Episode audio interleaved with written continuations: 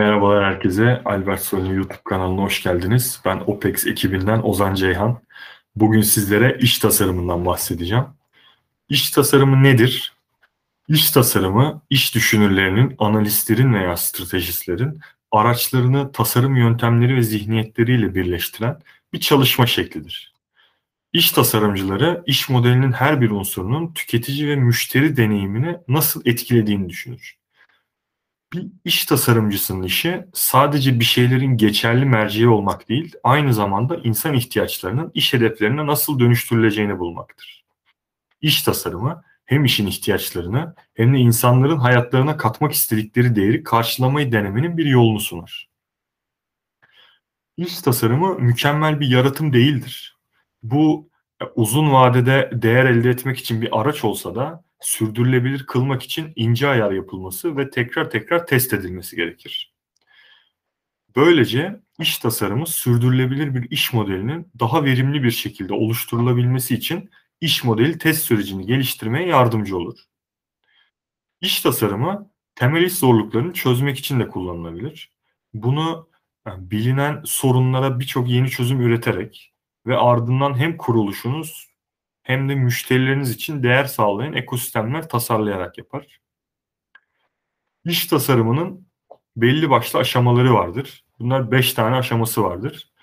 Ee, bunlar empati ve keşif, tanımlama, fikir oluşturma, prototip ve test aşamalarıdır. Empati ve keşif aşamasında müşterilerin ve paydaşların sorunlarını anlamak ve bu sorunlara çözümler bulmak için çalışmalar yapılır. Bunun için de belli başlı bazı sorulara cevap aranır. Bu sorular örneğin müşteriler ve paydaşlar ne gibi problemlerle karşılaşıyor? Hangi zorluklarla karşılaşıyor? Bu zorluklar ne kadar büyük? Bu gibi sorulara cevap aranır. İş tasarımcıları yalnızca müşterilerden gelen nitel verilere güvenmemeli veya müşterilerden aldıkları bu sorulara cevaplarına güvenmemeli. Kendileri de aynı zamanda rakipler ve sektör hakkında araştırma yapmalıdır. Tanımlama aşamasındaysa bu araştırma sonucuna göre bu sorunların nedenleri öğrenilir. Bu nedenlerin bu nedenler öğrenilir ve zorluklara göre tanımlamalar yapılır. Fikir oluşturma aşaması öğrenilenler tanımlandıktan sonra çözüm için ilk fikirler bulunmaya başlanır. Yeterince fikir toplandıktan sonra bunlar fırsat alanlarında kümelenir ve öncelik sırasına koyulur. Bu aşamanın sonunda bir proje ekibi aşamanın odak noktası olarak bir fırsat alanı seçecektir. Prototip aşamasındaysa bu sorunun çözümü tasarlanmaya başlanır. Ya bu zorluğuna sorunun zorluğuna bağlı olarak bir iş tasarımı prototipi yeni bir üst iş sürecinden tamamen yeni bir girişime kadar her şey olabilir.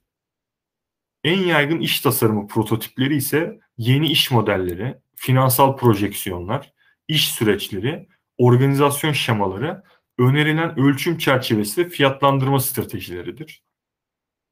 Test aşamasındaysa iş tasarımcıları veya tüm proje ekibi deneyler başlatır. Burada hipotezler kurarlar ve cevap almak için prototipleri kullanırlar. Bir iş tasarımcısı genellikle her deney için doğru metrikleri bulmaya çalışır. Bir iş modeli her zaman iş yapmanın önemli bir parçası olmuştur. Ancak son zamanlarda bu iş tasarımı yeni bir aciliyet kazanmıştır. Yenilikçi iş modelleri geliştirmeyi ve geleneksel olanları yeniden düşünmeyi her zamankinden daha önemli kılan girişimlerin ilerlemesi, hızla değişen pazarlar ve gelişen teknolojik olanaklardır. Ee, iş tasarımı ne değildir? Biraz da bundan bahsetmek istiyorum. İş tasarımı estetikle ilgili değildir. Ee, iş tasarımı bir logo, kartvizit, web sitesi veya sosyal medya sayfası tasarlamak değildir. İş tasarımı terimindeki tasarım e, bir uygulamanın resim, grafik, e, görsel tasarımının çizilmesi anlamına gelmez. Bu daha e, daha iyi ürünler ortaya çıkarmak için ürün tasarımcıları tarafından kullanılan hani geleneksel termin metodolojinin, terminolojinin iş tasarımcıları tarafından da kullanıldığı anlamına gelir. Bu nedenle iş tasarımı aynı metodolojileri kullansa da bunları çeşitli iş zorluklarına uygular. İş tasarımı girişimcilik de değildir. İş tasarımı bir startup kullanırken bir startup kurarken kesinlikle kullanılabilir. Ancak bu iki terim eş anlamlı değildir. Ee, girişimciler işlerini kurmak için tamamen farklı yaklaşımlar kullanabilirler. Örneğin e, ürün odaklı olabilirler. Bir teknolojiden veya bir üründen fikir, bir ürün fikrinden yola çıkabilirler. Ama iş tasarımı bir problem çözme yaklaşımıdır. İş tasarımcıları tasarım metodolojilerini kullansalar da yine de iş araçlarından faydalanırlar.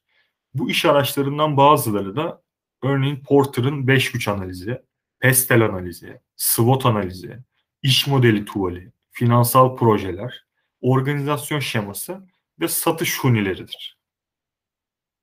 Peki iş tasarımı teknikleri nelerdir? İş tasarımının dört farklı tekniği vardır. Bunlar iş basitleştirme, iş genişletme, iş zenginleştirme ve iş rotasyonudur. İş basitleştirme görevleri daha odaklı hale getirmek için mevcut rollerden çıkarma süresidir, sürecidir. İş basitleştirmenin amacı harcamaları ve maliyeti en aza indirirken çıtayı en üst düzeye çıkaran iyileştirilmiş çalışma yöntemleri geliştirmektir. İş genişletme ise bir işle ilgili mevcut görevlerin genişletildiği iş tasarımının bir bileşenidir. Yani iş geliştirmenin amacı çalışanların iş memnuniyetini arttırmak ve tekrar eden görevlerle ilişkili yaralanmaları azaltmaktır. İş genişletme, yatay iş yüklenmesi veya ıı, iş faaliyetlerinin yatay genişlemesi olarak da ifade edilebilir. İş zenginleştirme ise mevcut işleri daha motive edici hale getirmek getirmek için boyutlar ekleyerek karakterize edilen bir süreçtir. İş zenginleştirme örnekleri arasında ekstra görevler ekleme, işte beceri çeşitliliğini arttırma, e, işlere anlam ekleme, özellik oluşturma ve geri bildirim verme sayılabilir. İş zenginleştirmenin amacı motive edici bir iş yaratmaktır. Bu mesela çalışandan düzenli veya sıkıcı bir iş alarak işi çalışan için daha anlamlı hale getiren ekstra sorumluluklar ekleyerek yapılabilir. İş rotasyonu bir çalışanın bir çalışma grubu içinde bir işten diğerine geçmesini ifade eder. Çalışanların mevcut iş profiline çeşitli görevler getirerek çeşit, çeşitlilik katmayı ve can sıkıntısını azaltmayı amaçlar. İş rotasyonu bir çalışanın aynı seviye veya statüdeki bir işe yatay geçişi olarak da bilinir. İş rotasyonu bir bireyin bir görev çizelgesi boyunca hareket ettirildiği yönetim tarafından e, bir gelişim programı olarak adlandırılabilir. Nitelikli ve yetenekli çalışanların bir şirketin çeşitli süreçleri hakkında daha fazla bilgi edinmelerini sağlamak için tasarlanmıştır. İş rotasyonu tarafından üretilen bir iş varyasyonu can sıkıntısının azalmasına ve iş tatmininin artmasına neden olur. İş tasarımı örnekleri nelerdir? Bunlardan bahsedelim.